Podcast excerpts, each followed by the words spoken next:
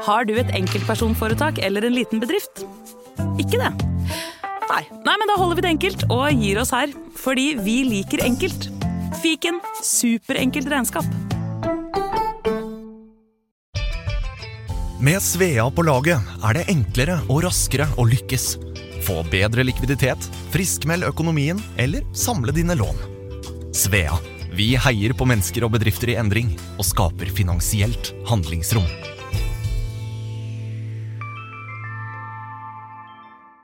Har du pollenallergi? Apotek 1 har et stort utvalg av allergitabletter, nesesprayer og øyedråper som kan brukes for å forebygge eller dempe plager som nysing, renne øyne og tett eller rennende nese. Det er viktig å bruke legemidlene hver dag gjennom hele pollensesongen, selv om plagene skulle bli borte enkelte dager med lav spredning. Våre legemiddeleksperter kan hjelpe deg med å finne riktig behandling, slik at du får det best mulig med riktige medisiner. Apotek 1 vår kunnskap, din trygghet.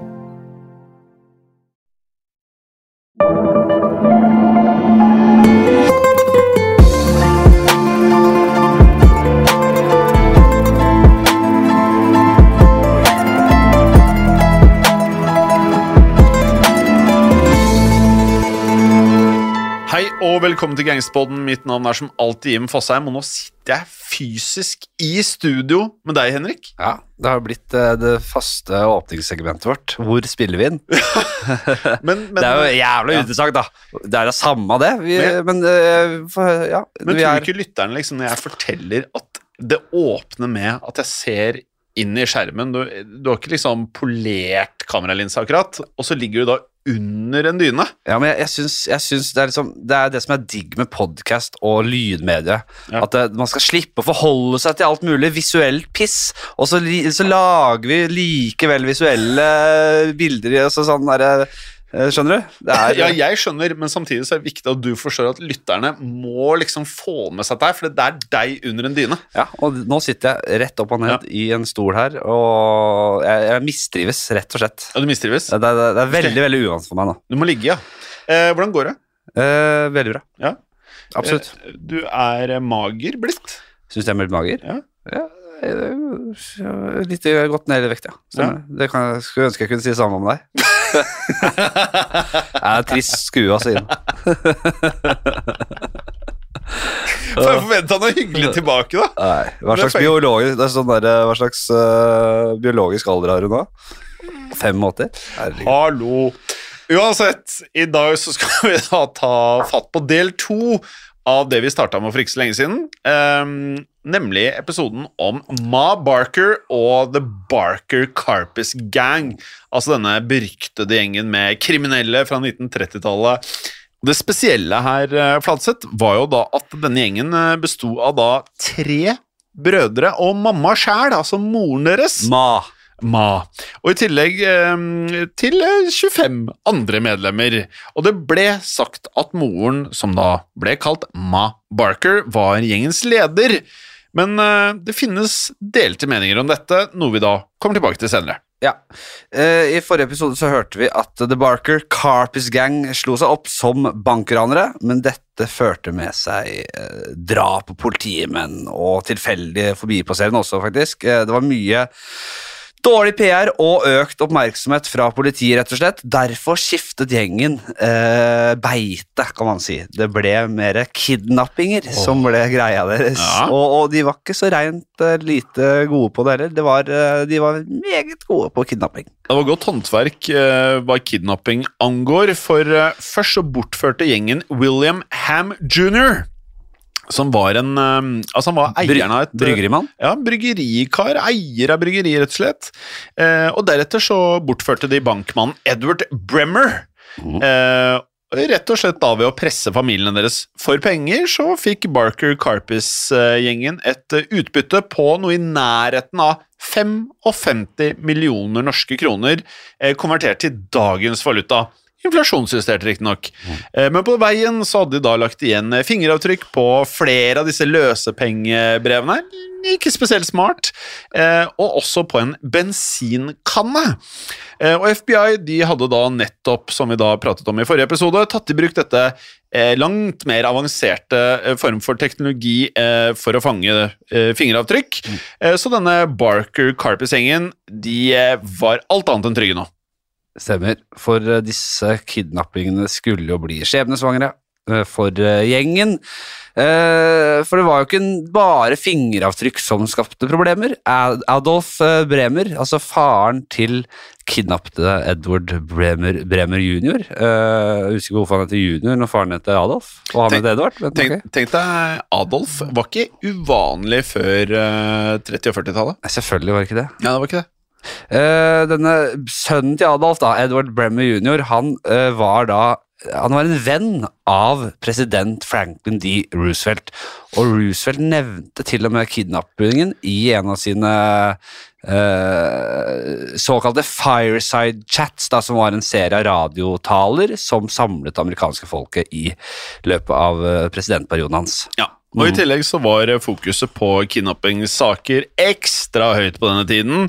Rett og slett pga. denne store Lindberg-saken, som da kun hadde funnet sted to år tidligere. og Den her har vi pratet om i vanlig historiepodden. eh, Jeg tror det var en dobbeltepisode for ikke så lenge siden, så gå inn der og hør den.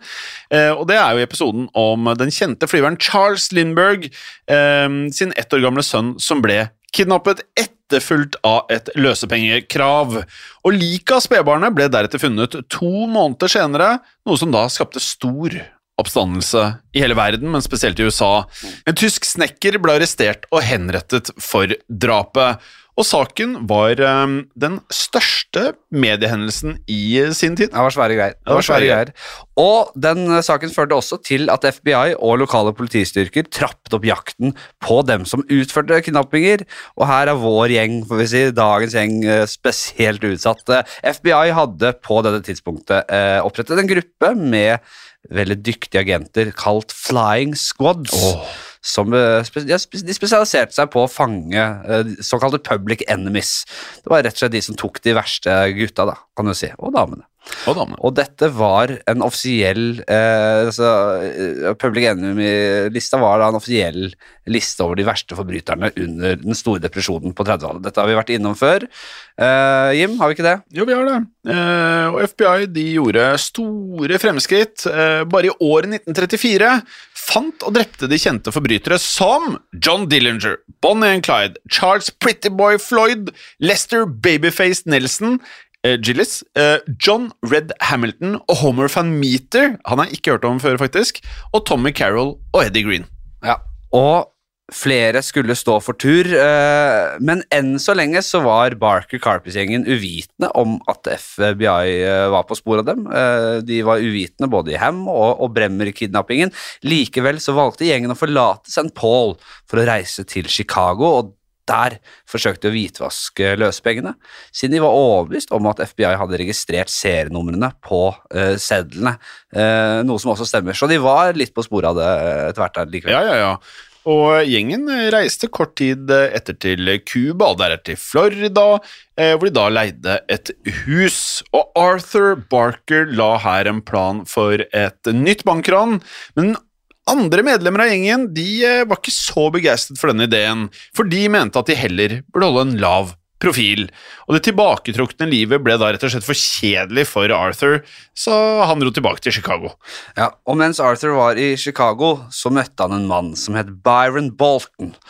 Eh, en bekjent av Shotgun Ziegler. Eh, dette er selvfølgelig helt rå navn. Det må nesten bare stå på Byron Bolton og Shotgun Ziegler.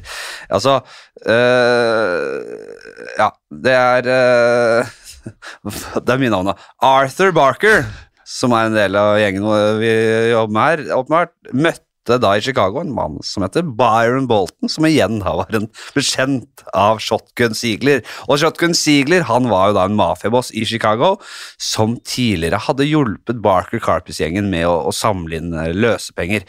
Og den 8. januar 1935, vi skriver den 8. januar 1935, så ble Arthur Barker, Barker identifisert og arrestert på gaten av FBI-agenter. Og da ble han spurt 'Where's your gun?' Og da svarte Arthur 'Home'. I ain't that hell of a place And ain't that a hell of a place for it? Jeg liker det. Eh, og Arthur han ble fortløpende avhørt, han. eh, Og avhøret er senere blitt beskrevet på følgende måte av en FBI-agent. Arthur Barker satt i en stol med kjeven sammenknyttet, og han så rett frem. Han var ikke et imponerende syn, bare øynene hans avslørte den indre galskapen hans. Åh, Mannen som Arthur var sammen med, den nevnte Byron Bolton, han ble også satt i varetekt. Mm. Og mens Arthur sto imot og nektet å snakke med disse FBI-agentene, så avslørte Bolton at resten av Barker Carpus-gjengen var i Florida. Og det ble i tillegg funnet et eh, kart eh, i Arthurs bolig som ga flere spor. Arthur han ble siktet for Ham og Bremmer-kidnappingene, og han ble dømt til livstid i fengsel, men dette var ikke det verste for Barker-familien, for FBI var nå på sporet av hvor hele gjengen gjemte seg, nemlig i småbyen Oklahoma i Florida.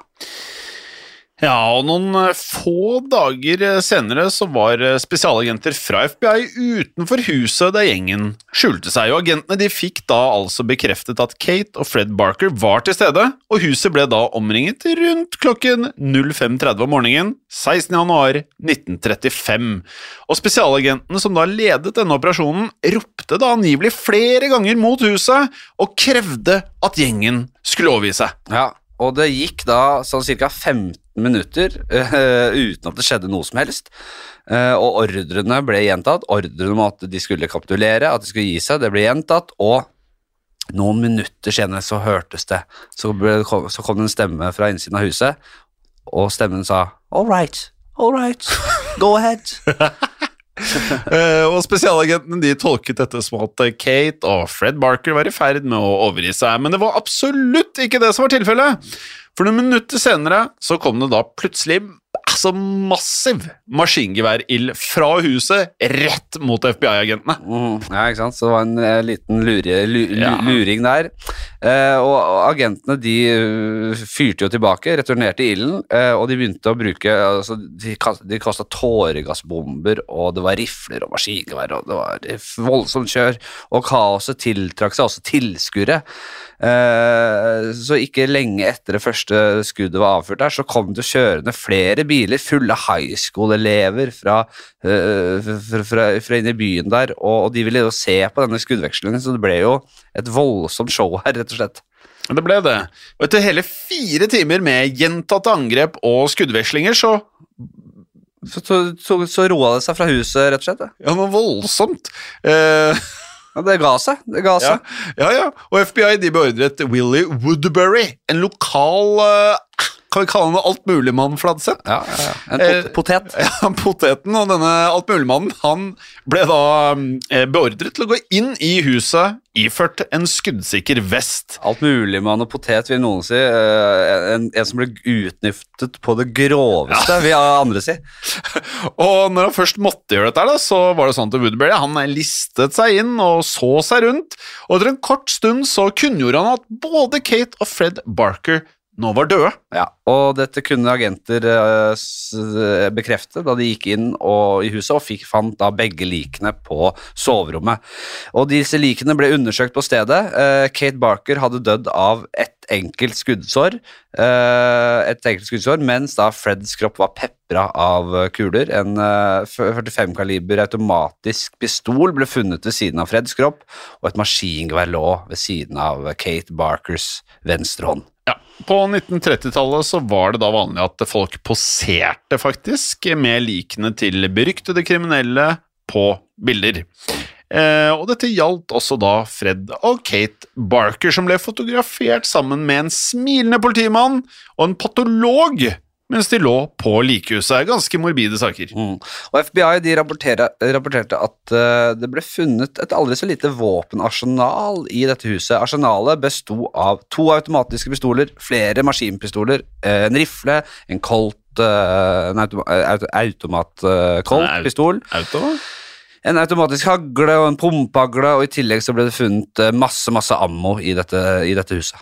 Ja. Eh, Og Kate og Fred Barkers lik ble først da lagt frem til eh, offentlig skue. For det var nemlig en stor PR-seier, da, selvfølgelig for FBI, at eh, profilerte kriminelle var blitt tatt her. Og likene de forble uavhentede frem til 1. oktober 1935, da slektninger fikk dem da begravet ved siden av eldstesønnen Herman Barker på en kirkegård i Welch, Oklahoma. Og Fred han ble kun 34 år, mens Ma Barker ble 61 år. Mm. Og nå var det færre Nå var det ikke så mange igjen i denne familien. Det var eh, kun Arthur og Lloyd Barker som var igjen av, eh, av Barker-familien, og begge satt jo også i fengsel. Men Alvin Carpis eh, han var jo fremdeles på frifot, og nå eh, Han var jo nå da rett og slett en av USAs mest ettersøkte menn. Public enemy number one, som han eh, sa. Og Carpis gjorde alt han kunne for å unnslippe FBI, og han skal til og med ha gått så langt som å be en kirurg eh, fra det kriminelle eh, miljøet slipe vekk fingertuppene hans, sånn som i denne eh, s- De syv nei, dødssyndeskrekkfilmen med Kevin Spacey, hva heter den? Ja, Ja, det, den Jeg husker i hvert fall han derre seriemorderen. ja Seven. Seven. Seven. Ja, så han fikk da, ja eh, Jeg liker det. Ja, det er en morbid greie, men det er sikkert effektivt. Han fikk, fikk ja. Men det er ikke første eller siste gang vi kommer til å være borti i uh, gangstere som endrer kroppen for ikke å bli tatt. Helt klart. Det har vi vært bortover før, ja. Ja, ja, ja, ja. Eh, J. Edgar Hoover, altså direktøren i FBI, han ba om eh, langt flere midler og også ressurser til å da få tak i Carpus. Og da skal senatoren i Tennessee, en Kenneth McKellar, ha kalt Hoover inn på teppet under en bevilgningshøring. Og senatoren han klaget over Hoovers krav om eh, flere midler. For da senatoren utfordret Hoover på hvor mange arrestasjoner han hadde foretatt personlig, så sverget Hoover på at han skulle arrestere den neste store, altså Carpis. Ja, og derfor ble det jo slik at FBI sirklet seg inn på Carpis i mai 1936, og da var Hoover personlig med på oppdraget, selvfølgelig. Han skulle jo Han nærmest skulle vifte der, med huet hans. Ja, ja, ja. øh, Han skulle stå ved liket, ta Ja. bilder. Carpis han befant seg i New, New Orleans, New Orleans, Orleans. der han levde i skjul i en leilighet, og han dro ut for å, å fiske hver dag, denne Carpis, for å slå i hjel tiden. Ja, det er ikke det verste man kan gjøre. Men eh, 1. mai 1937 skulle det bli annerledes. For Hoover han fløy til New Orleans og møtte de ventende agentene som skulle utføre arrestasjonen. Agentene de overvåket Carpus sin leilighet på Canal Street, og like etter klokken 17.00 så forlot Carpus og de to andre mennene leiligheten og satte seg i en Plymouth Coupe. Eh, flott bil. Mm. Og da løp det en haug av agenter frem, eh, omringet bilen til Carpis selvfølgelig. Hoover kunngjorde med en gang her at uh, Carpis var arrestert. Men det er ulike versjoner av hva som faktisk hendte under pågripelsen. Carpis sin versjon ble fortalt i memoarene hans, og han hevdet da at Hoover kom bort etter at uh, de andre agentene hadde tatt Carpis, og først da ropte agentene til Hoover at det var trygt å nærme seg bilen, så han, Carpis hevdet at Hoover var en feiging, rett og slett. Mm.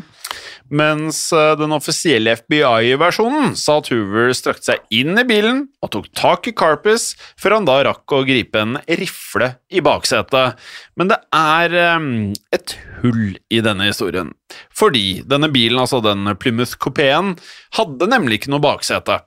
Så hele fiaskoen ble da ytterligere forverret da Hoover ba mennene sine sette håndjernene på ham, men ikke en eneste agent hadde da tatt med håndjern, og de trodde rett og slett at de skulle drepe Carpis, slik de hadde gjort med andre public enemies. Ja, så der sto de uten noe håndjern uh, på seg. De så på hverandre og Det er eh, amatørshow. Ja, var rådville, rett og slett. Men en oppfinnsom agent tok da til slutt av seg slipset.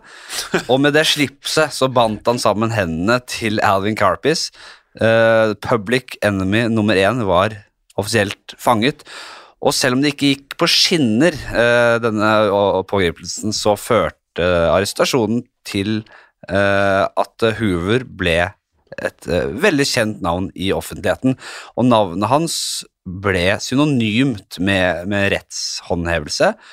Og han ble en veldig stor figur, rett og slett, og det varte helt frem til han døde i 1972. Fremdeles i stillingen som direktør i FBI. Det er riktig, det.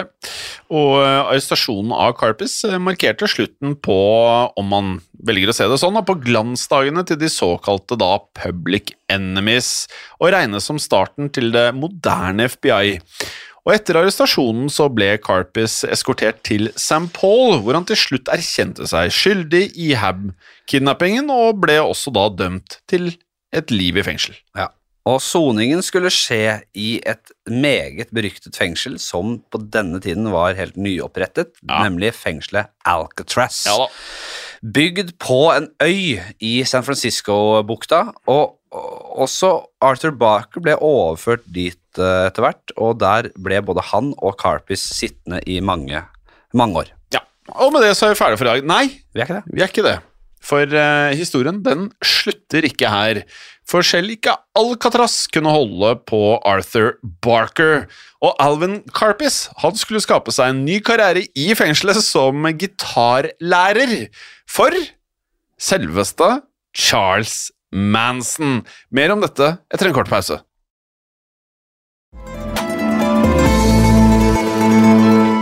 Velkommen tilbake. Før pausen Fladseth, så hørte vi at Alvin Carpus til slutt ble da arrestert av FBI og ble sendt til fengsel i 1937. Men ikke til hvilket som helst fengsel, nemlig til Alcatraz. Og hit ble også Arthur Doc Barker overført. Ja. Og i 1939 så skulle Arthur Barker uh, gjøre seg bemerket nok en gang, for Arthur og tre andre fanger de sagde gjennom fire sett med fengselsstenger. Er I, i, i, i, nattens tåke, mulm og mørke så klatret de over de høye murene i fengselet. Arthur snek seg ned til stranden og prøvde å svømme ut mot San Francisco, men ble da presset tilbake av tidevannet. Og da prøvde jo disse rømlingene å bygge en flåte av rett og slett trebiter som lå på stranden, og bandt dem sammen med da tøystrimler fra skjortene sine. Det er meget optimistisk. Um, og de håpet da å kunne lage en brukbar flåte før de da omsider ble oppdaget. Men de ble eh, omsider da sett fra et vakttårn da tåken hadde lettet. Ja. Og vakten eh, sa da at de måtte ta, løfte hendene i været, men Arthur og eh, resten ignorerte dette her, og da begynte vakten å skyte på dem. Traff dem med beina. Like etter eh, dette så traff et skudd fra en patruljebåt Arthur i hodet. Døde ikke momentant, men Arthur ble lagt inn på sykestua i fengselet, og da legene prøvde å gi ham blodoverføring, så skal han rett og slett ha dratt ut injeksjonsslangen av armen sin, Ja da. eh, og døde da av eh, skadene samme dag. Ja, og nå var da Lloyd den eneste gjenlevende i Barker-familien. Og da han ble løslatt fra fengsel, så skal han ha da meldt seg inn i den amerikanske hæren. Og Lloyd han eh, tjenestegjorde som kokk under annen verdenskrig, og han ble også tildelt eh, medaljen for good conduct, altså eksemplarisk tjenestegjøring. Men heller ikke Lloyd fikk et lykkelig liv, for i 1949 så ble han skutt og drept av sin egen kone. For konen hun ble erklært gæren og også sendt til et eh, psykiatrisk asyl. Spinnvill gjeng. Ja da. Så da gjenstår det vel bare å fortelle hvordan det gikk med Alvin Carpis, da. Eh, Ja. For man skulle jo vel forvente at han også At hans liv gikk til helvete også, men der tar man litt feil. For Carpis han sonet dommen sin i det stille på Alcatraz. Eh, men han ble ikke ansett for å være en mønsterfange heller. Tidligere Alcatraz-betjent eh, Al Bloomquist han har kalt Carpis for en mild nuisance. Å ja, Ja, du, Ja, den er grei, den. du traff bra. Ja da. Og han beskrev han eh, som en innsatt som ofte klaget over soningsforholdene, og at han kranglet med de andre innsatte. Ja, voldsomt å krangle. Ja, han var kranglefatt. Ja, Han var krøllvatt, og Carpus han var også kjent for å være besatt av å lese. Og det er jo ikke det verste. Eh, han hadde dessuten en rekke verv i Alcatraz-systemet, blant annet eh, i kjøkkentjenesten.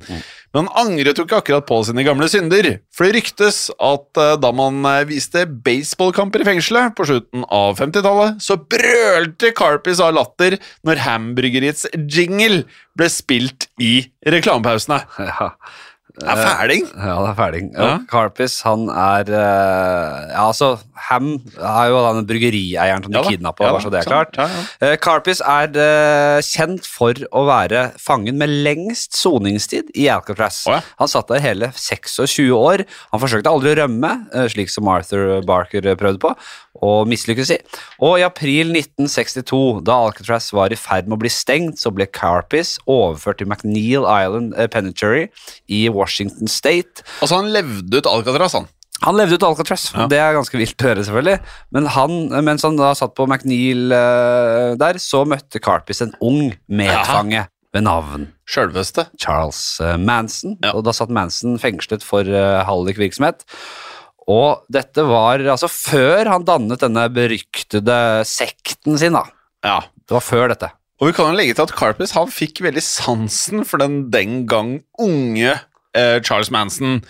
Og Carpus skrev også i sin selvbiografi at Manson ville lære å spille gitar, og at han da ba Carpus om hjelp. Og Manson han ville mm, innerst inne bli en rockestjerne. Og Carpus han syntes da synd på Manson og sa ja til å bli lærer. Ja. Vi kan jo uh, faktisk ta og lese hva Carpis skrev om Manson. Dette er ganske interessant. Eh, Lille Charlie han er så lat og rastløs. Jeg tviler på om han vil bruke tiden som kreves for å lære å spille gitar. Unggutten har vært på institusjoner hele livet. Først barnehjem, deretter ungdomsfengsel og til slutt føderalt fengsel. Moren hans, en prostituert, var aldri i nærheten av å passe på han. Jeg bestemmer meg eh, for at det er på tide å gjøre noe for han. Og til min overraskelse så lærer han raskt. Han har en behagelig stemme og en behagelig personlighet, selv om han er uvanlig saktmodig og mild for en straffedømt.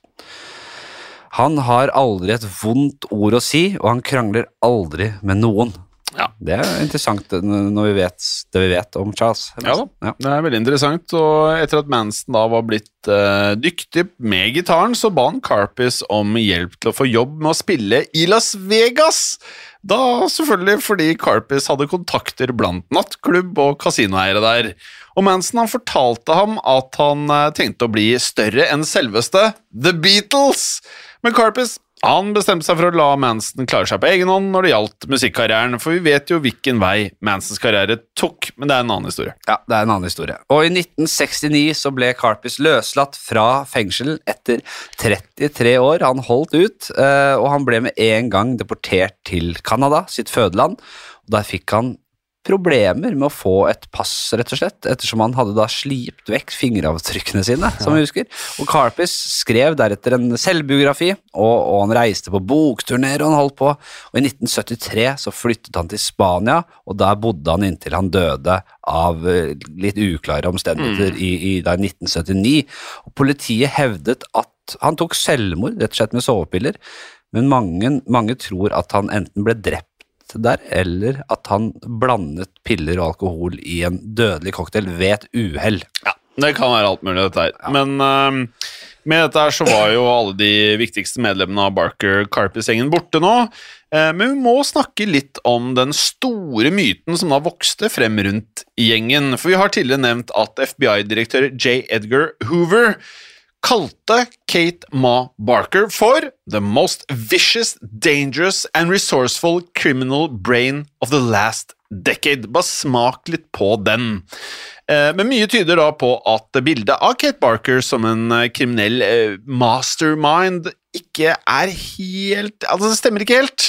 Eh, For man antar at Hoover måtte rettferdiggjøre at FBI hadde skutt og drept en eldre dame, og at han derfor overdrev Kate sin rolle i gjengen. Ja, For vi skal ikke glemme at eh, disse mytene om kriminelle ofte blir satt ut i livet av da myndighetene selv for å på en måte Ja, at det skal virke råere at de har tatt dem, rett og slett. Mhm. da. Det, ja da. Og, denne, og myten om Ma Barkers eh, makt hadde jo uh, allerede slått rot mens hun levde, takket være gjengens uh, status i mediene. Selv om Kate var en medhjelper og var medskyldig i de kriminelle aktivitetene, så finnes det ingen beviser for at hun var selve lederen. Heller ikke sønnen hennes skal ha vært øh, glupe nok til å ta denne rollen. Det var derimot Alvin Carpis som var, eh, sånn vi har forstått det, hjernen og lederen i Ja. den gjengen. For eh, Alves hadde angivelig et eh, fotografisk minne og ble beskrevet som eh, ganske så smart, og faktisk supersmart, av de andre medlemmene i gjengen. da. Og Carpis han hadde uttalt at Kate var en hjemmekjær, godtroende og også overtroisk dame. Og han skrev også om henne i selvbiografien sin, Flatseth. Ja, og jeg siterer Den mest latterlige påstanden i kriminalhistorien er at Ma Barker var hjernen bak Carpis Barker-gjengen. Hun visste at vi var kriminelle, men hennes rolle i våre forbryterkarrierer var begrenset til én funksjon. Når vi reiste sammen, skulle det se ut som det bare var en mor Ja. og sønnene hennes på tur. Hør her, da. Hva kunne se mer uskyldig ut enn det? Altså, det her er gjennomført, vet du. Ja. Eh, og Carpis skriver også følgende Ma var alltid en del av livene våre. Hun var en vi passet på og tok med oss da vi flyttet fra by til by, fra hjemmested til hjemmested. Og det er ingen fornærmelse mot Ma sitt minne å si at hun ikke hadde kunnskap nok til å lede oss. Det ville ikke ha falt henne inn å bli involvert i den type virksomhet, og vi passet bare på å diskutere forbrytelsene våre når Ma ikke var i nærheten og vi lot henne bli hjemme når vi gjorde jobbene våre, eller så sendte vi henne rett og slett på kino. Og Ma så mange filmer. Jeg liker det. Eh, Harvey, Ja Harvey Bailey, eh, en annen berømt eh, bankraner som kjente Barker-gjengen godt, han skrev i sin selvbiografi i 1970 at han var enig med Carpis. Bailey skrev at Ma Barker couldn't plan breakfast. Og han mente at hun absolutt ikke var noen mesterhjerne. Likevel så ble myten om Kate eh, Barker holdt til live i flere filmer og TV-serier, eh, blant annet, som da for eksempel Ma Barkers Killer Brood fra 1960, Bloody Mama fra 1970 og Public Enemies fra 1996. Eh, Veldig god film, syns jeg. Og filmene er stort sett da oppdiktede versjoner av historien. De har jo vært med på å sikre Kate Barker sin legende- og lederstatus. Ja, og så er det jo selvfølgelig det er, Ting er jo ikke oppklart helt her. Er, man vet ikke hva som er eh, sannheten, men det tyder jo på at hun ikke var en lederen av gjengen, i hvert fall. Men hun ble likevel funnet død i dette huset med en rifle ved siden av seg. Så helt uskyldig var hun vel ikke, eller? Men Ma Barker couldn't plan a breakfast. Som de sier. Ja. Uh, hvilken låt uh, har du til oss i dag, uh, Jim, Jim and the Greek? Ja, Altså, jeg gikk for rapperen ved navn Ma Barker, ja. Og da gikk jeg for sangen Lights Go Out. Jeg følte det Jeg trenger ikke å forklare mer. Nei, Gå inn på spillelisten vår på Spotify som heter Gangsterpodden, og hør Ma Barker. Ja. Vi høres som vanlig neste uke, vi, med mindre du har driti deg loddrett ut og blitt sovende med fiskene. Eller tatt på deg betongklossa. Men hvis ikke, så keep it gangster. Ha det bra. Hei.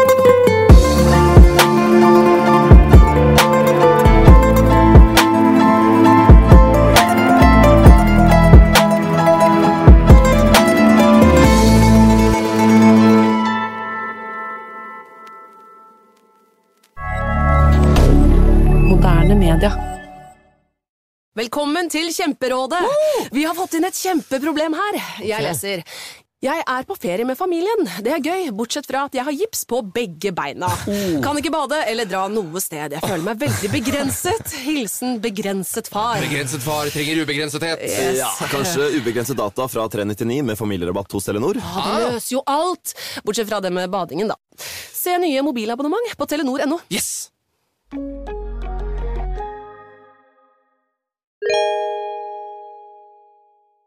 Hei, Fredrik og Bjørn Henning her. Vår nye podkast Fordomspodden den er ute nå. Podkasten der norske kjendiser møter seg selv i døra. Har Kristin Gjelsvik alltid drømt om å lære seg å jodle? Ler Stig-Henrik Hoff av eventyret Askeladden som kappåt med trollet? Bytter Katrin Sagen dobørste minst to ganger i året? Og har Didrik Solli Tangen sunget My Heart Is Yours som nattasang for barna sine? Hver uke blir nemlig én ny gjest konfrontert med både store og små fordommer i vårt forsøk på å komme til bunns i hvem de egentlig er. Du kan høre Fordomspodden hvor enn du lytter til podkast. Hei, og takk for at du lytter til Gangsterpodden. Skulle du kanskje ønske du kunne høre en ny episode om gangstere hver eneste uke? Vel, da er det bare å laste ned podkastappen Untold med en gang. I tillegg til ukentlige episoder av podkaster som Historiepodden, Henrettelsespodden og også True Crime-podden, så får du masse annet reklamefritt og også eksklusivt innhold inni Untold. Last ned Untold i AppStore eller Google Playstore, og start din 30 dagers prøveperiode med det samme.